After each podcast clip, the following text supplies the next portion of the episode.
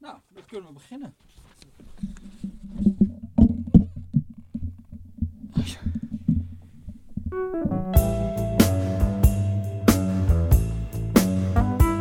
Hallo. Hallo, waarde luisteraars ook. Ja, de, het is weer uh, ik in mijn uppie. Uh, Rutger zou eigenlijk op een uh, vreselijke promotietour in Amerika zijn, maar die is daardoor gehinderd door Omicron. Dus die zit gewoon thuis. Maar ik had eigenlijk al gepland om toch weer zo'n ontoegankelijk gesprek te doen. En op vele verzoek, het ging vorige keer zo goed dat hij gewoon weer terug is gevraagd. Ik kreeg een hoop positieve reacties over ons gesprek. Dus ik zit hier met Koen Teulings. Hallo. Hallo, ik word bijna verlegen van deze intro. Ja, ja, ja. Nee, was, was vorige keer was het echt geweldig. Het, mooie van jou is ook wel dat je er gewoon... Je kan eigenlijk over elk onderwerp ongeveer beginnen en dan komt er gewoon altijd iets terug. Dus, Oké, wacht af. Ja, dus ik wil het eigenlijk hebben over de turftransitie in de 16e eeuw. Oké, daar heb ik geen verstand van. Nee? Oké, nou ja, jammer. Dan, eh, dan gaan we naar de actualiteit maar weer. Uh, nee, ik zat nu. Uh, vandaag in de krant was een stukje over die uh, uitspraak van de Hoge Raad over de vermogensbelasting. Hè, dus we gaan, er is een soort miljardenstrop nu, omdat die hele box 3-heffing stop wordt gezet. Wat, wat zijn jouw de gedachten daarbij? ik heb met verbazing naar de uitspraak van de Hoge Raad gekeken. Um, je ziet dat de rechter een steeds belangrijke rol krijgt in de Nederlandse samenleving bij het nemen van politieke beslissingen. Dat is eigenlijk niet zo'n bijzonder verschijnsel. Dat is al uitgebreid ook voor Amerika. Tocqueville heeft daarover geschreven. Mhm. En naarmate de politiek moeizamer functioneert, zie je dat de rechter steeds belangrijker wordt. Maar dat is voor de rechter denk ik een hele ingewikkelde balans tussen uh, wat zij op basis van gewoon bestaande wetten en bestaande principe van redelijkheid en billijkheid kan beslissen en wat echt politieke besluitvorming is. En ik moet zeggen dat ik vind dat ze in dit geval wel heel erg politieke besluitvorming hebben genomen. Ik vind dat wel in, in meer gevallen dat ze, laten we zeggen, gevaar lopen om hun mandaat te buiten te gaan. Maar ik vind dat in dit geval een bijzonder. Als je denkt over de dingen die Thomas Piketty geschreven heeft, en daar zijn veel mensen voor en er zijn veel mensen tegen. Maar één heel belangrijk gegeven is dat vermogensbelasting een cruciaal onderdeel is om de vermogensverdeling in een, in een kapitalistische samenleving een beetje binnen de perken te houden. Je moet als het eigenlijk toch op een gegeven moment zeggen, ja, het is goed dat hij het allemaal verdiend heeft, maar daar gaan we toch ieder jaar een procentje van, van wegbelasten. En in feite heeft deze uitspraak van de Hoge Raad maakt vermogensbelasting onmogelijk. En ik vind dat twijfelachtig of dat nou. Ja, maar ik, begreep, ik begreep eigenlijk dat het probleem ook een beetje was dat ze dat, dat ja, we hebben al 200 jaar soort van vermogensbelastingen. Maar dat ze nu de afgelopen 20 jaar er een soort sausje overheen hebben gegooid dat het een, eigenlijk een vermogensrendementsheffing is. Dus wij eigenlijk zeggen we, we doen alsof iemand 4% rendement maakt. Daarvan belasten we 30%. Uh, uh, maar we, we laten mensen alleen hun vermogen opgeven. Maar dan lijkt het alsof het een vermogensrendementsheffing heeft, is. En nou heeft de Hoge Raad gezegd: ja, maar die 4% dat maken mensen niet meer. Dus dit is een aantasting van het eigendomsrecht. Dat is een beetje, ja, dan denk ik van ja, is een beetje juridisch geneuzel. Maar als gewoon de wetgever nu zegt: ja, dit is gewoon een vermogensbelasting. Dan, eh, dan is het probleem ook in één keer weg, volgens mij.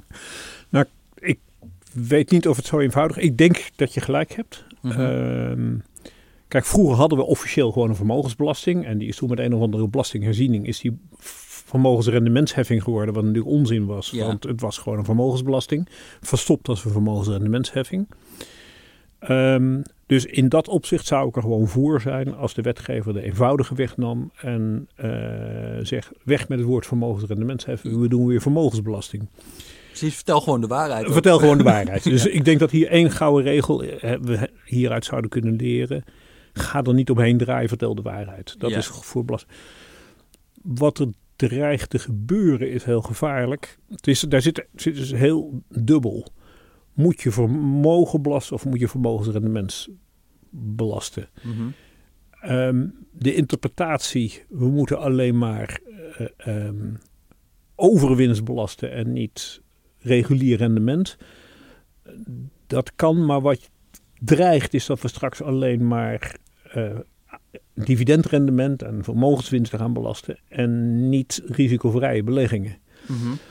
Daarmee heb je stiekem weer opnieuw ingevoerd de renteaftrek. Die in de financiële crisis wisten we juist dat één ding helemaal, hebben we geleerd dat één ding helemaal verkeerd is, namelijk het niet belasten van renteinkomsten en het wel belasten van vermogensinkomsten. Dat heeft ertoe geleid dat bedrijven zich massaal vreemd zijn gaan financieren. Of in ieder geval dat heeft er erg aan bijgedragen. En eigenlijk langs een, een, langs een hele andere kant, waar je het niet onmiddellijk door hebt, ben je weer precies hetzelfde aan het invoeren. Namelijk een hele zware prikkel voor mensen om risicovrij te beleggen. Mhm. En dat is niet goed voor de samenleving. Ehm, je kunt best denken, dus iemand als Bas Jacob stelt voor om vermogensrendementen, echte vermogensrendementen te gaan meten en te beleggen. Nou, dat is een hele ingewikkelde toestand. Ja. Ik, ik ben met Bas eens dat het interessant is om dit uit te zoeken. Maar ik denk dat het veel ingewikkelder is dan Bas denkt. Ja. Um, er is ook bijna geen land waar dat lekker functioneert eigenlijk. Hè? Nou, in Amerika en zo heb je gewoon uh, zulke bedoel, dikke... bij, bij, bij vastgoed bijvoorbeeld wordt het in Zwitserland en Frankrijk... wordt vermogenswinst op vastgoed wordt belast. Dus als je daar je huis met veel winst verkoopt... betaal je over die winst betaal je belasting. Mm nou, dat heeft ook allerlei ingewikkelde gevolgen, maar, maar hij heeft op zich wel iets, iets aantrekkelijks. En, uh, en dat zou ook denk ik, voor een betere risicospreiding in de samenleving leiden. Maar dat is veel ingewikkelder dan we zomaar denken. Wat in ieder geval verkeerd is, is dat we renteinkomsten niet meer gaan belasten. En dividenden en vermogensinsten wel gaan belasten. Want dan ben je echt ja, ja, ja, ja. paard achter de wagen aan het spannen. Dan ben je precies aan het doen waarvan we in 2008 tot 2010 tijdens de grote financiële crisis geleerd hebben dat dat onverstandig is. Ja. Ja. Ja, ik ben ook een beetje bang dat, deze, dat dit een soort van, dit is een beetje een politieke crisissfeer wordt er nu gecreëerd over zo'n uitspraak van de Hoge Raad en zo. Wat volgens mij een betrekkelijk eenvoudige oplossing heeft door gewoon te zeggen het is gewoon vermogensbelasting en we gaan het, dat kan ik niet helemaal beoordelen, maar ik zag al ook ik ben geen jurist. juristen dat uh, zeggen. Van, dit Als juristen dat zeggen zou ik dat onmiddellijk doen. Ja. En uh, nou, dit is meteen een enorme testcase voor het kabinet. Vanochtend schreef de NRC dat... Miljardenstrop. Dat het gaat om miljarden, dat is volstrekt helder. Dus uh, niks doen is geen optie. Uh, en ik denk dat dit voor uh, deze coalitie een enorme uitdaging is om hieruit te komen. Omdat ik. Ja, vermogensbelastingen zijn heel onpopulair bij iedereen. Sander Schimmelpennik heeft daar die mooie eerste uitzondering van de mhm. kloof over gemaakt. Dat is eigenlijk heel gek, want vermogensbelastingen zijn heel belangrijk om gewoon voor, laten we zeggen, de boel een beetje bij elkaar houden. Die mooie zin. Mhm. Daar is vermogensbelasting heel belangrijk voor. En ze zijn heel onpopulair, ook bij mensen die helemaal niet zoveel vermogen hebben. Die denken, wanneer, wanneer begint dat überhaupt, ja, toch? Zo'n ja, Ja, ja, ik weet echt niet wat de ondergrens is. 50 mil of zo, Ja, ja, ja. Zoiets. best wel... Uh... ja, er zijn heel veel mensen... als met erfbelasting vind ik ook het zo merkwaardig. Ja, heel merkwaardig. Je zou denken, heel veel mensen betalen dat niet eens, maar dan... Zijn ze wel tegen. Ja, ja, heel gek, heel gek. Um, nou ja, het, uh, we gaan het even over hebben over het hele regeerakkoord sowieso. Dat is natuurlijk ook fascinerend. Dat er in één keer uh, bleek dat we heel veel geld gaan uitgeven. Ja. Uh, Wiemar Bolhuis, die had laatst, die ook econoom, die had een goed stukje in, in ESB. Ja. En daarin had hij eigenlijk laten zien van, ja, als je keek naar alle verkiezingsprogramma's en de doorrekening bij het CPB, dan wilde VVD wilde 3 miljard meer uitgeven. De ChristenUnie wilde 16 miljard meer uitgeven. En het regeerakkoord komt uit op 26 miljard. Uh, dat, en, er was 1,3% saldo verslechtering bij de ChristenUnie, dus oplopen van begrotingstekort. En 1,9 bij VVD. Nou, dat is ook veel hoger uitgepakt in het uh, regeerakkoord, geloof ik 2,6 of zo. Dus uh, dat is toch wel opmerkelijk, of niet? Ja. En is het slecht? Nee, ik, ik denk dat de grote lijn uitstekend is. Oké. Okay. Uh, dus André, ik, ik heb altijd gewoon een, een simpele rekensom. Nederland heeft een staatsschuld van, laten we zeggen, 50% op dit moment. Als je die als fractie van de BBP constant wil houden, dan moet die dus even hard groeien als de BBP. BBP groeit pak een beet met 3% per jaar, nominaal. 2% mhm. inflatie plus 1% nominale groei, reële groei. Dat is ongeveer, als je dat gaat uitrekenen sinds 2000, is die 3% ook precies het gemiddelde. En dan hebben we dus twee grote crises achter de rug. De grote recessie van 2008 uh, en de coronacrisis. Maar toch gemiddeld 3%, dat is een vrij rotsvast getal, zal ik maar zeggen. Mm Dus moet de staatsschuld ieder jaar met 3% groeien. Mm -hmm. 3% van 50% is 1,5%. Dus dat betekent op die basis structureel, gemiddeld genomen, een tekort van anderhalf procent moet hebben. Nou, Nederland opereerde, heeft jarenlang geopereerd op een tekort van 0%. Dus als je kijkt naar wat het structurele kort in 2019 was, was een pak een beetje nul. We hadden toen een klein overschot. Mhm. Ehm, maar dat kun je nog zeggen dat aan de conjunctuur lag. Gemiddeld genomen zal het ongeveer nul zijn geweest. Dus je gaat van 0 naar anderhalf procent tekort. Uh, anderhalf keer, uh, wat is het, 8 miljard of zo, dat is 12 miljard. Dus sowieso had je 12 miljard meer uit te geven. Mhm. Ik denk dat die 60% eigenlijk aan de lage kant is. Die 50% staatsschuld. Ik denk dat Nederland.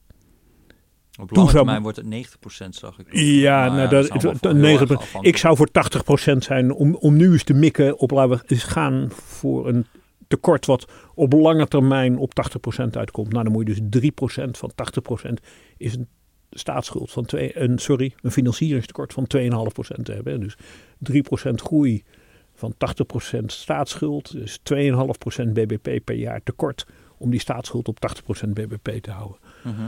Dat lijkt mij reëel.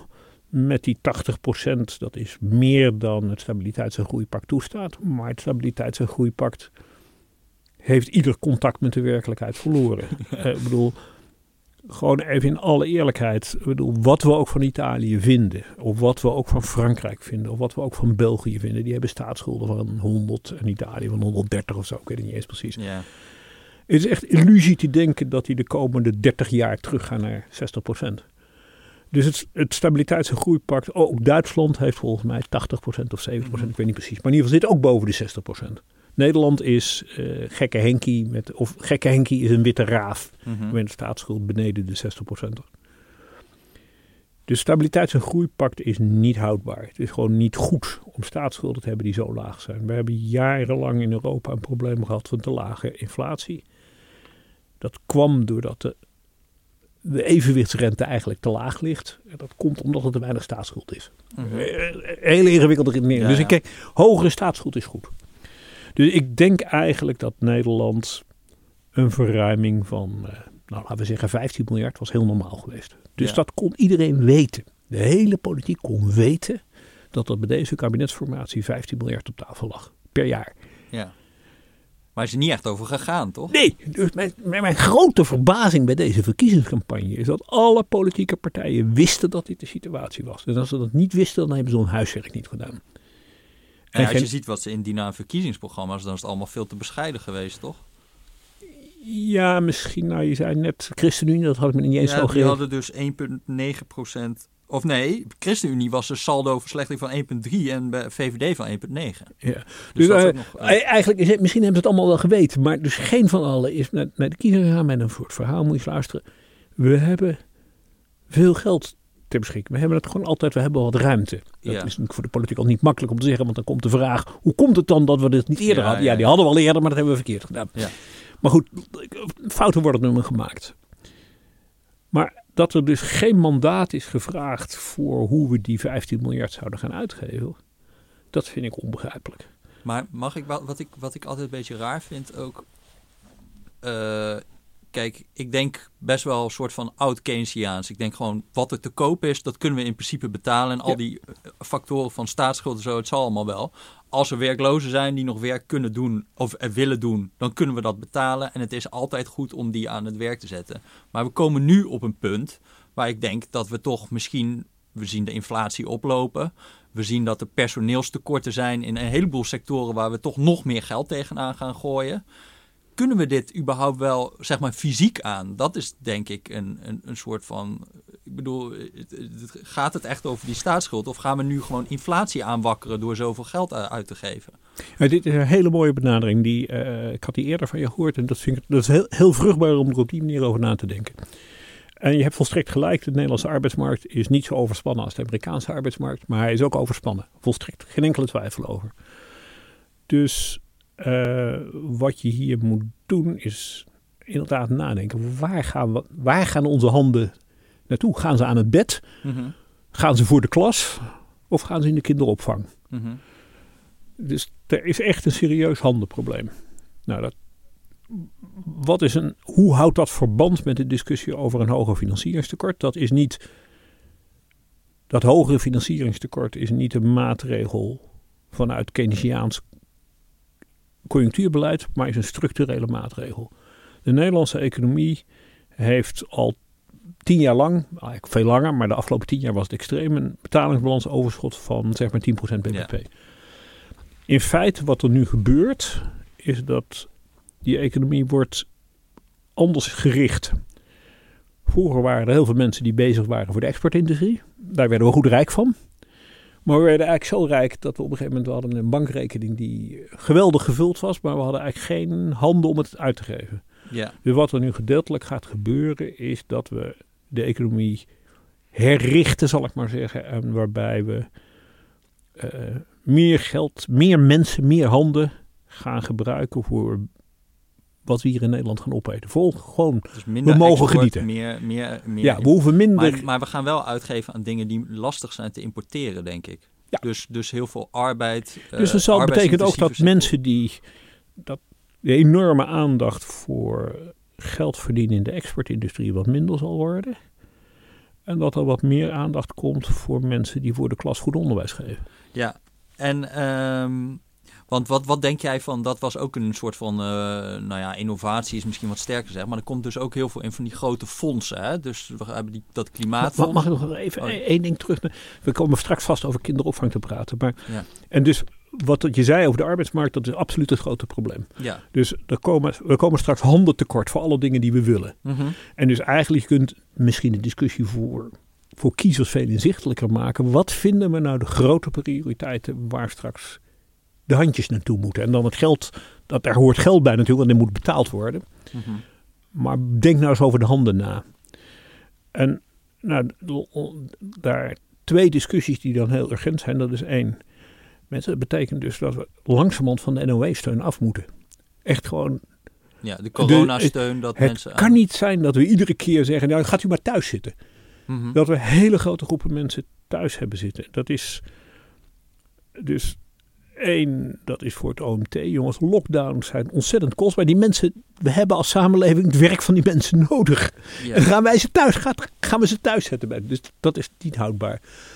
Um, uh, was ook het laagste faillissementcijfer. Uh, ja, in, uh, dat zijn allemaal mensen die dus thuis zitten op kosten van de overheid. Dan gaat het weer over het geld. Dat vind ik helemaal niet zo erg.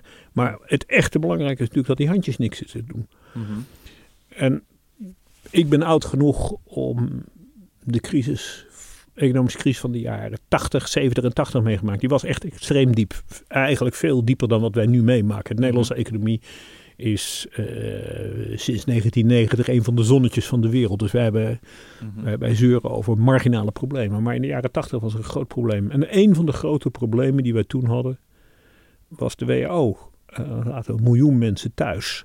Wij, wij betaalde ons belastinggeld om, mensen, om thuis zitten te subsidiëren. Mhm. En nou, dat was, de discussie daarover is heel pijnlijk geweest. Maar dat was uiteindelijk, ja, je kunt een economie niet draaiende houden iedereen te betalen om thuis te gaan zitten. Mhm. En dat hebben we op een gegeven moment afgeschaft. En sindsdien gaat het heel goed met Nederland. En in zekere zin bij corona zitten we nu voor een soortgelijke uitdaging.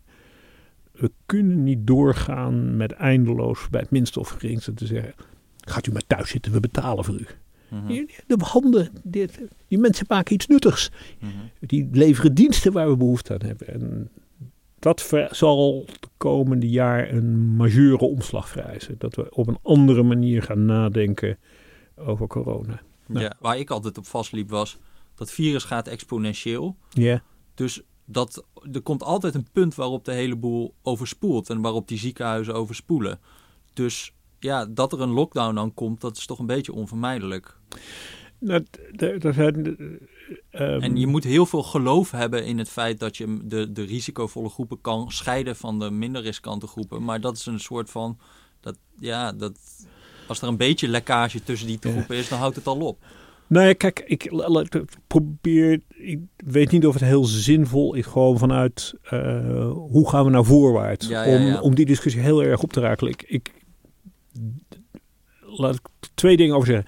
Het is niet exponentieel, maar logistisch. Dat is een heel belangrijk verschil.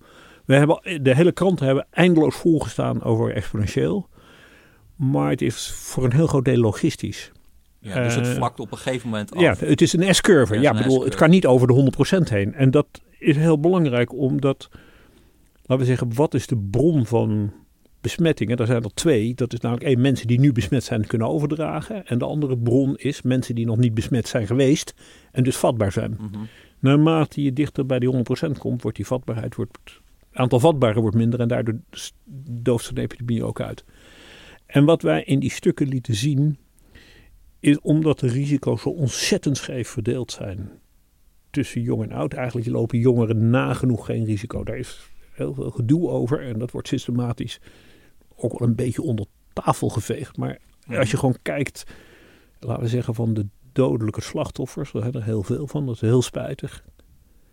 Maar is een kwart procent is jonger dan 40. Mm Echt gewoon marginaal. De jongeren lopen hoegenaamd geen risico. Ehm, en dus als je zou kunnen zorgen dat jongeren snel allemaal besmet zijn geweest en daardoor immuun zijn en daardoor niet meer bijdragen aan de verdere verspreiding van het, van het virus, heb, zou je op langere termijn wel eens vooruit kunnen zijn. En dat is een situatie waar je over kunt discussiëren of die een jaar geleden gold. Mhm. Maar waarvan je nu met Omicron eigenlijk niet meer omheen kunt. Als je gewoon in de besmettingscijfers naar leeftijd kijkt, dan zie je extreme golven van besmetting onder de categorie, eh, zeg maar, tussen de 20 en de 40. Dus bijna iedereen heeft het gehad, een beetje met enige overdrijving. Mhm. Zeker nu het onderwijs open is. Ehm, die eigenlijk zich nauwelijks verspreidt naar de hogere leeftijdsgroep. Als je kijkt naar de besmettingen voor mensen boven de 60, die zijn nauwelijks toegenomen. Mhm. Wat we ons goed moeten realiseren is dat de derde golf is in, in zekere zin het gevolg van het feit dat we te laat zijn gaan boosteren. Je zag, laten we zeggen, hoe door de vaccins, groot succes van de medische wetenschap, hoe mhm. door de vaccins uh, sterfte in verpleeghuizen bijna weg. In, in de afgelopen zomer, zeg maar in juni was er geen sterfte meer in verpleeghuizen, of bijna niet. Mhm. En vanaf september zie je die sterfte in verpleeghuizen weer enorm oplopen. Dus waar het ons denk ik verrast heeft, of iedereen verrast heeft, tenminste in de kranten. Het grote oor, de grote oorzaak van die, van die toename van de sterfte in verpleeghuizen is dat die vaccins minder lang bleken te houden, zeker voor oudere mensen. Mhm. goed, daar hebben we ons op verslikt. Maar oké, even terug naar bijvoorbeeld die, die handjes. Dat je zegt, we moeten goed nadenken over waar we dat dan aan uh, voor gebruiken, de mensen die dan werken. Je zei de kinderopvang. Wat denk je daar eigenlijk van? Want daar is dus nu het plan om voor, uh, uh, ja, voor eigenlijk voor iedereen 95% van de kinderopvangkosten te gaan betalen. Uh, dus ja, op dit moment is het zo dat als je heel arm bent, wordt 96% van de kinderopvangkosten betaald. Als je heel rijk bent, wordt een derde van de kinderopvangkosten betaald. Dat gaan we nu voor iedereen naar 95% doen. En iets wat mij ook pas later was opgevallen, maar er stond ook nog dat ze de koppeling met gewerkte uren loslaten. Dus eigenlijk als iemand dan na zijn werk nog een potje polo gaat spelen, of wat, wat doen rijke mensen, dat weet ik eigenlijk niet. Maar golf, de, golf ook goed. Maar dan, kan je, dan betaalt de overheid dat ook mee. Dus nu is het zo dat dat gekoppeld is nou ja, tot een zeker maximum aan het aantal gewerkte uren. Dat gaan ze ook loslaten. Uh, dat betekent dat we gewoon, uh, ik geloof, 1,8 miljard meer aan kinderopvang gaan uitgeven. Uh, vind jij dat verstandig? Nou, ik, ik, heb een beetje eigenlijk of die 1,8 genoeg zal zijn.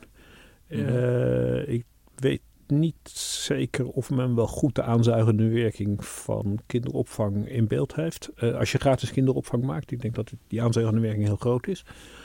Um, maar laat het CPB nog gaan rekenen. Die hebben eerder, toen ik directeur was, uh, toen was Ronald Plasterk minister van Onderwijs en die was toen verantwoordelijk voor kinderopvang en die wilde ook dit plan uitvoeren, gratis mhm. kinderopvang. Ik geloof dat heeft een jaar geduurd en toen was de aanzuigende werking zo groot. Uh, dat moest, worden, moest weer worden afgeschaft. En toen hebben ze het snel weer teruggedraaid. En wij als CPB moesten we toen als het ware, ik zal maar zeggen, bemiddelen tussen, het ministerie, tussen de ambtenaren van OCW en de ambtenaren van Financiën. De Financiën zei ja, we kunnen het allemaal niet betalen. En OCW die zei ja, maar het staat in het regeerakkoord.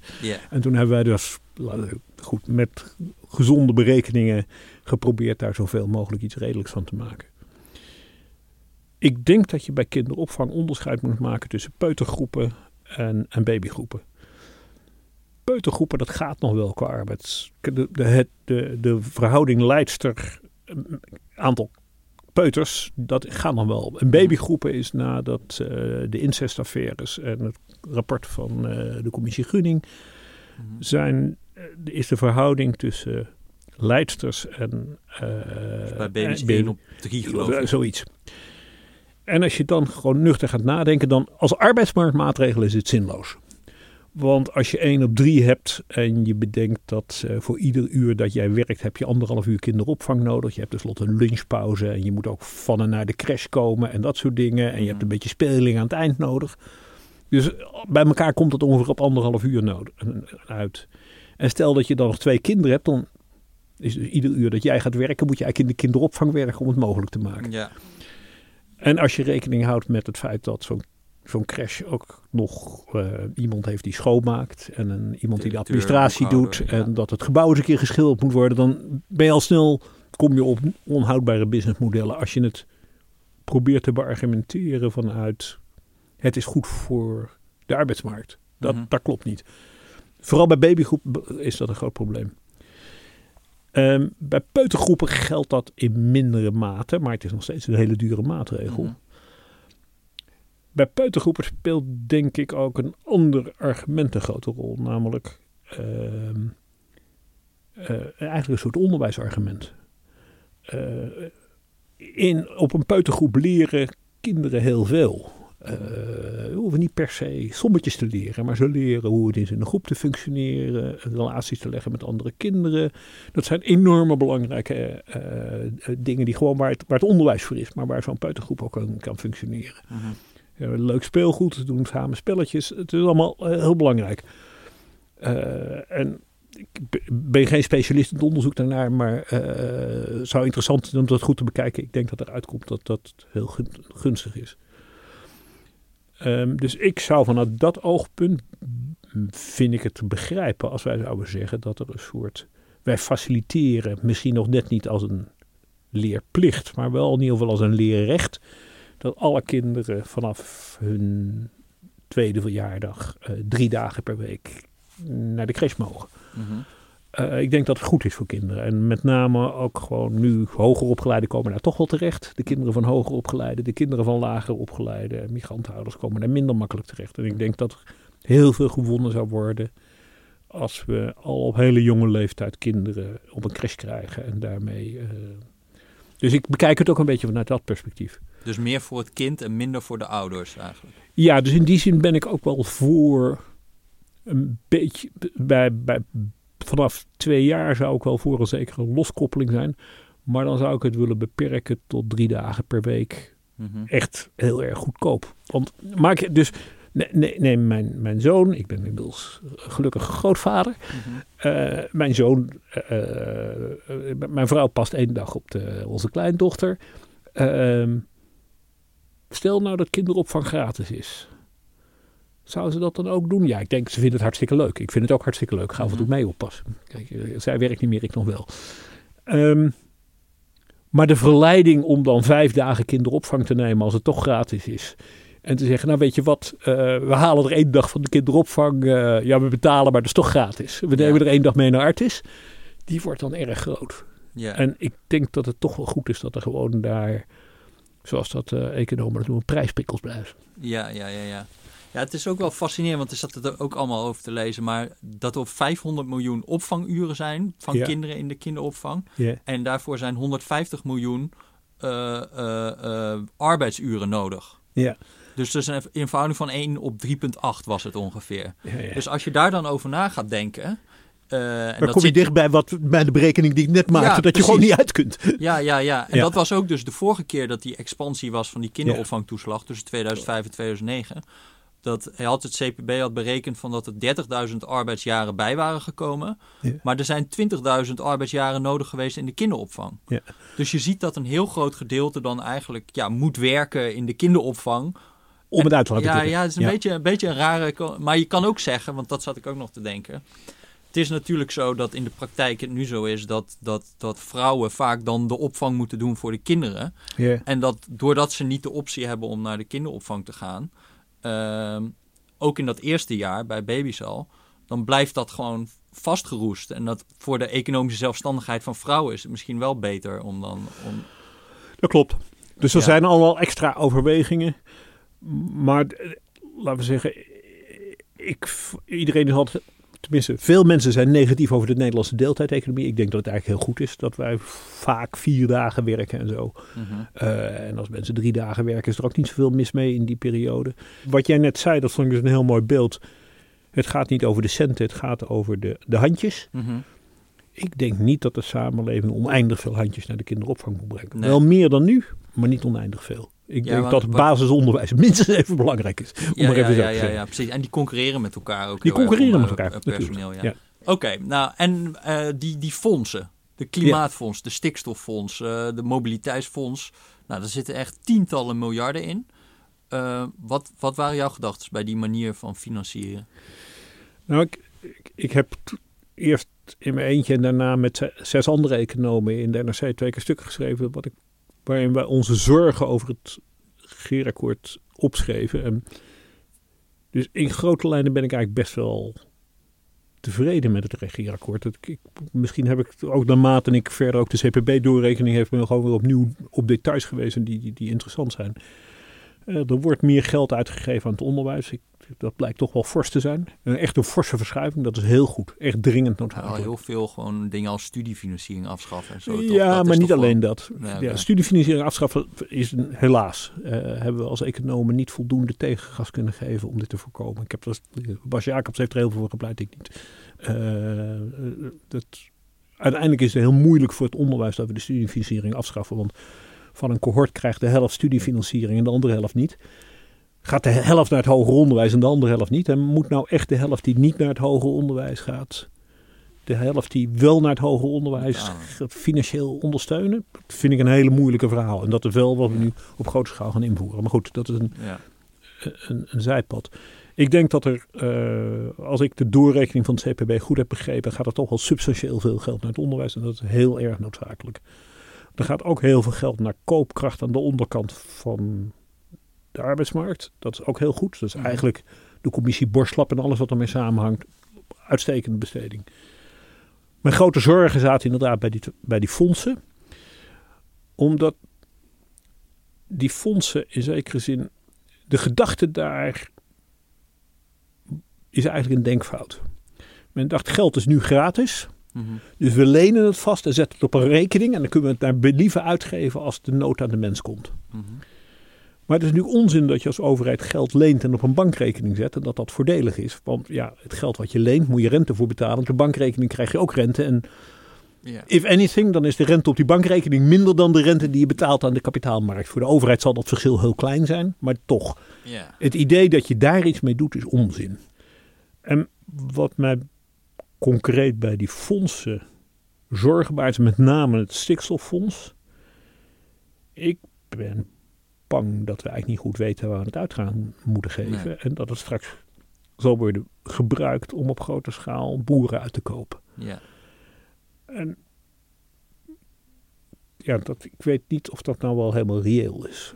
Ik bedoel, als een bedrijf een niet meer functionerend businessmodel heeft, dan kopen we ook niet alle werknemers uit door hun, pensioen, hun loon tot aan een pensioen te betalen. En dat geldt in zekere zin hier ook. Dus ik ben een beetje bang, gecombineerd met die fantastische zinnen over het boerenerf, zal ik maar zeggen. dat, uh, uh, dat niemand gedwongen hoeft te sluiten, maar ja, dat het toch misschien soms onvermijdelijk is. Maar dan beginnen we daar een goed gesprek over. Ja, Dat is een onmogelijke formule. Ja, en ik vind het ook wel teleur, of dat is misschien ook lastig hoor, voor, voor linkse partijen van zij zijn niet echt de mensen van de doelmatigheid normaal of zo. Dus je ziet dan ook waar zij nu op oppositie op voeren is dingen waar dan minder aan wordt uitgegeven. Terwijl het mij lijkt van, oké, als je dit regeerakkoord kiest, zijn er heel erg vragen te stellen over of dit allemaal zo dit dingen zijn waar je het aan uit moet geven. Of dat we, als we een beperkt aantal handjes hebben, willen we dan dit of dit of dit. En, en, maar alle oppositie is nu van, uh, de zorguitgaven, weet je wel, dat was dan in het begin, daar werd dan op gedaan. We gaan 5 miljard minder aan zorg uitgeven in, weet ik veel, 2026 of zo.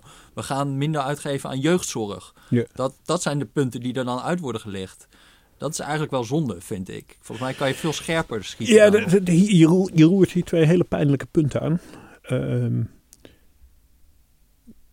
bij jeugdzorg is met de decentralisatie naar gemeenten wel echt iets misgegaan.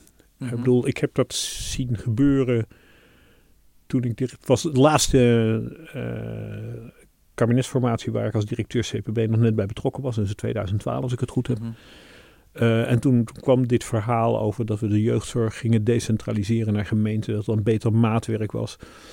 Uh, en dat is een volledige mislukking geworden. Mhm. En achteraf gezien is dit wel een van die beleidsdossiers waar we om te bezuinigen dingen gedaan hebben zonder daar echt heel goed over na te denken. En zonder goed onderzoek te doen of dat nou wel zou werken. En blijkt dat er heel veel deskundigheid weggegooid is. Dus dat is niet goed mhm. geweest. Dus bij de jeugdzorg denk ik dat ik maar beter mijn mond kan houden als ik daar iets over...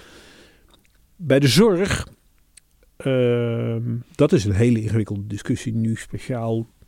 Ja, we weten allemaal dat de zorguitgaven alles andere dreigt weg te duwen. Mhm. Dat weten alle politieke partijen. Um, de behoefte aan zorgen is oneindig. Uh, dus dat is altijd een hele delicate balans. Want dan moet je uh, tegen de oneindige behoefte zeggen: ja, het is een hele legitieme behoefte dat u goed verzorgd zal worden. Maar we kunnen toch niet al ons geld aan zorg uitgeven. Dat is een, een, voor politiek heel moeilijk. Dus ik denk niet dat wat GroenLinks en PvdA toen gedaan hebben, uh, heel hard roepen: schande dat er wordt gezegd dat we de, de groei van de uitgaven aan de zorg moeten beperken. Mhm. Tegelijkertijd zal die discussie maatschappelijk heel gevoelig blijven. Ook vanuit uh, afgehaakt Nederland, zal ik maar zeggen. Mm Het die, afgehaakt Nederland, zit, daar zit de grote zorgbehoefte. Mm dus dat vond ik, ik, weet niet of je dat gezien hebt, de, de atlas van afgehaakt Nederland. Uh, erg mooi. Ik, een van de dingen die daar opvalt is dat gezondheid een hele belangrijke factor is bij afgehaakt. Mhm. Slechte gezondheid, uh, gezondheidsproblemen, diabetes, overgewicht. Dat zijn allemaal typisch mensen die op een of andere manier de aansluiting gemist hebben. Dus in die zin, als je Nederland bij elkaar wil houden, moet je daarop. En kun je niet alleen maar zeggen dat moet efficiënter. Dat zal niet helemaal gaan. Mhm. Tegelijkertijd, als ik moet kiezen meer handen naar de zorg, meer handen aan het bed of meer handen in de klas, dan ben ik volstrekt helder, meer handen in de klas. Investeren in de toekomst. Ja, ja, ja, ja. Uh, wat hebben we nog meer op het lijstje staan, Koen? Ik heb natuurlijk ook nog gewoon, namelijk het rubriekje overgewaardeerd en ondergewaardeerd. Dat hadden we vorige keer ook. En dat oh, gaan, we, gaan we gewoon weer doen. De stad Eindhoven, overgewaardeerd of ondergewaardeerd? Mensen, wat er in Eindhoven gebeurt is een mirakel. Ja. Uh, ik bedoel, ASML. Het is heel komisch dat. Uh, er was de laatste keer een uitzending. Wat is een bekend Nederlands. Het grootst waardevolle beursfonds in Nederland. Wat heel, Niemand wist van ASML af. Dat is natuurlijk toch gek. Ja. En ASML is niet het enige in Eindhoven wat goed functioneert. Dus 200 miljard nu inmiddels, ja. toch? Zo beurswaarde. Het is echt krankzinnig. Um, dus Eindhoven is een enorm succes. Um, interessant genoeg, misschien wel dankzij het vertrek van Philips. Uh, daardoor is er allemaal nieuw ondernemerschap heeft de kans gekregen. Uh, ik had het er een keer met Peter Benning over. Die zei, nou, wat verklaart nou het succes van de ASML? Nou, dat is de verwaarlozing door Philips. En hmm. daardoor de kans die we kregen om zelf aan de slag te gaan. Vond ik een hele interessante interpretatie. Uh, ik bedoel, Philips is denk ik prachtig wat ze daar gedaan hebben. Maar het is ook goed dat er nu een veel diverser aanbod van bedrijven is dan die enorme monocultuur die er was. Maar Eindhoven is op een ander punt blijft zwaar achter. Als je gaat kijken naar de woningprijzen in Eindhoven, die zijn heel laag. Dat, als Eindhovenaren dat zeggen, dan schrikken ze, dan zijn ze stom verbaasd, want ze vinden ze daar heel hoog. Mhm. Maar ga gewoon op kaartjes kijken, ga gewoon bij het CBS kijken. Woningprijzen in Eindhoven zijn veel lager dan je gegeven het succes van Eindhoven zou verwachten. En hoe komt dat?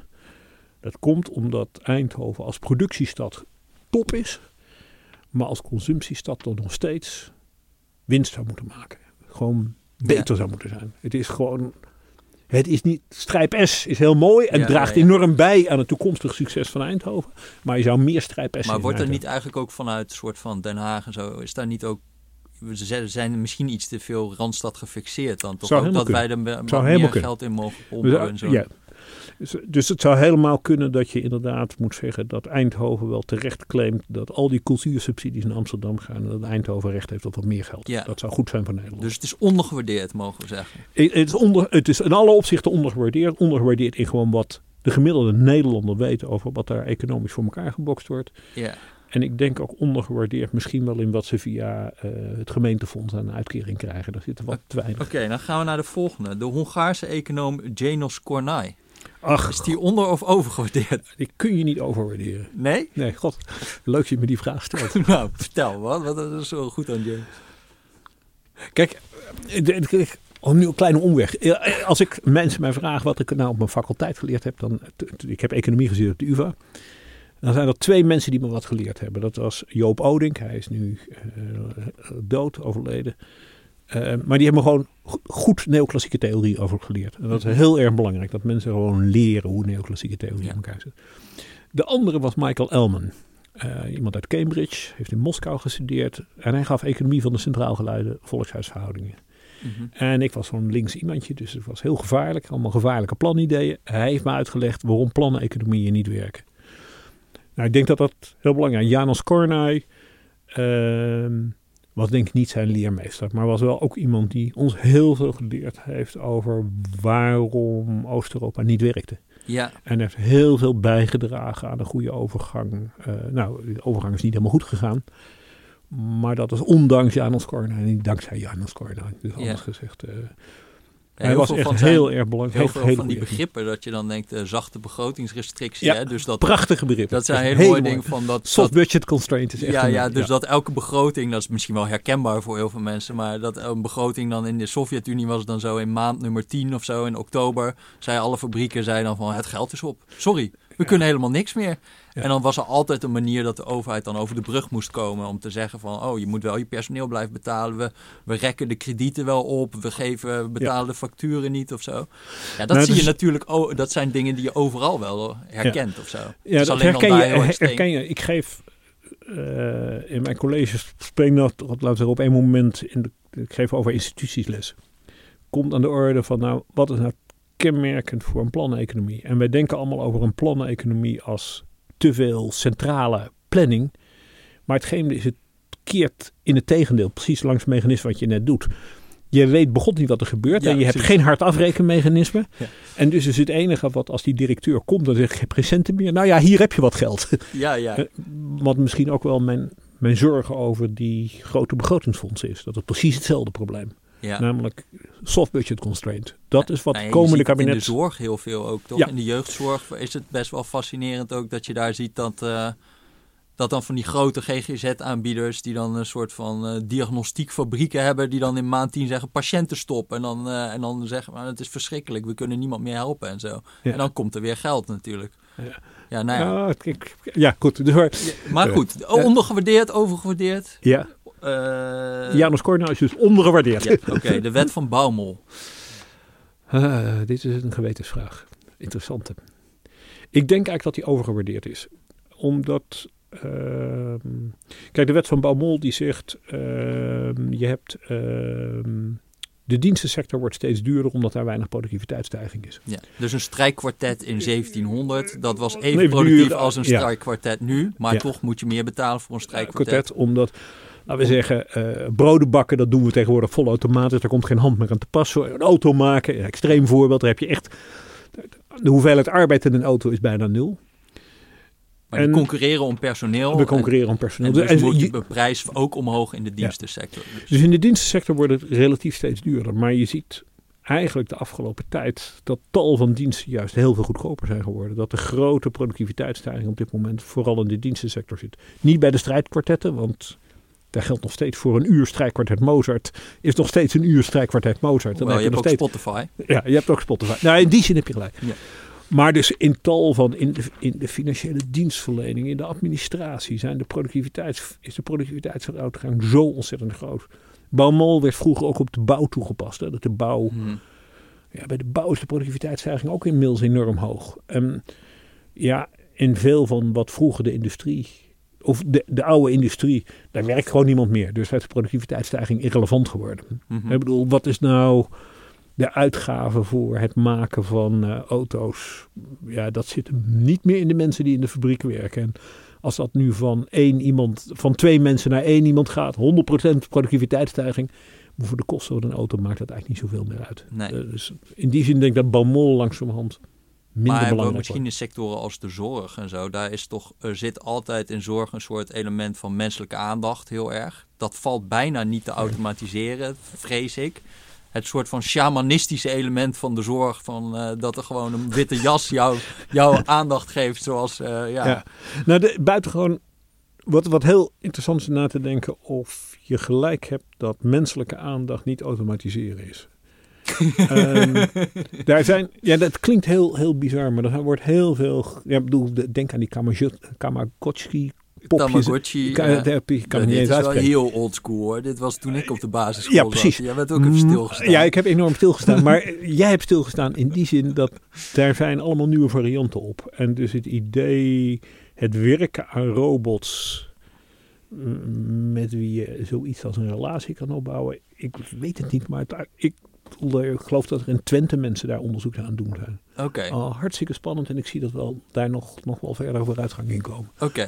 Het- laten we zeggen, het, als wij straks allemaal massaal vergrijzen, wat we doen.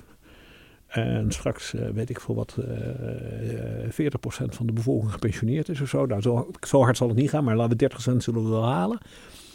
Eh, ja, dan is dit soort aspecten gaan ook een steeds grotere rol spelen. Dus ik ben heel benieuwd hoe dat verder gaat. Kinderopvang, kan dat niet? Ja, Kinderopvang, dat is ook interessant. ja, ja, ja. ja. Nee, Goed.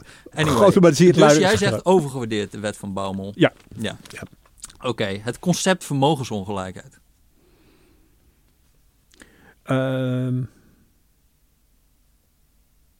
ik, ik denk dat dat heel belangrijk is. Ehm, en ik, anders dan eh, mijn goede collega Bas van Bavel, denk ik niet dat de Nederlandse vermogensongelijkheid. Ik, wij denken allemaal dat die in Nederland heel erg groot is, maar ik denk dat dat niet zo waar is. Als je gewoon gaat kijken naar het aantal miljardairs in Nederland, is niet zo extreem als in Amerika Mhm. en ook in Duitsland. Eh, dus, en ook de rijkste miljardairs in Nederland, die hebben, dus als ik even Charlene Heineken inmiddels denk dat hij in Londen woont, zijn de rijkste miljardairs in Nederland hebben minder dan 6 miljard geloof ik. Is Zo erg die door. En dat zijn er niet eens zo heel erg veel.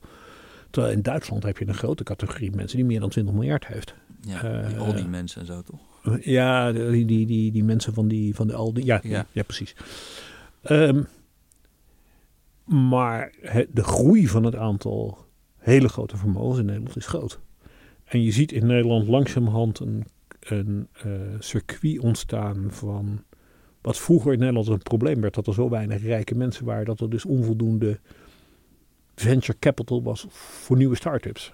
Uiteindelijk blijkt toch rijke mensen een hele grote rol te spelen in het financieren van echt gewaagde investeringen. Mhm. Het blijkt toch heel moeilijk te zijn. eh, Wouter Bos is nu net weg bij InvestNL. Blijkt heel moeilijk te zijn om dat binnen overheid of semi-overheid te organiseren. Dat is, Mhm. nou, dus dat zie je in Nederland nu groeien. Hè, met gewoon mensen die.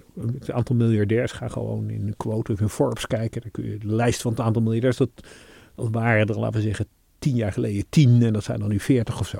Ja. Ehm, en ja, daar moeten we toch wel over nadenken hoe we daarmee omgaan. Maar dat is gewoon dat- vooral een dalende rente toch? Niet alleen.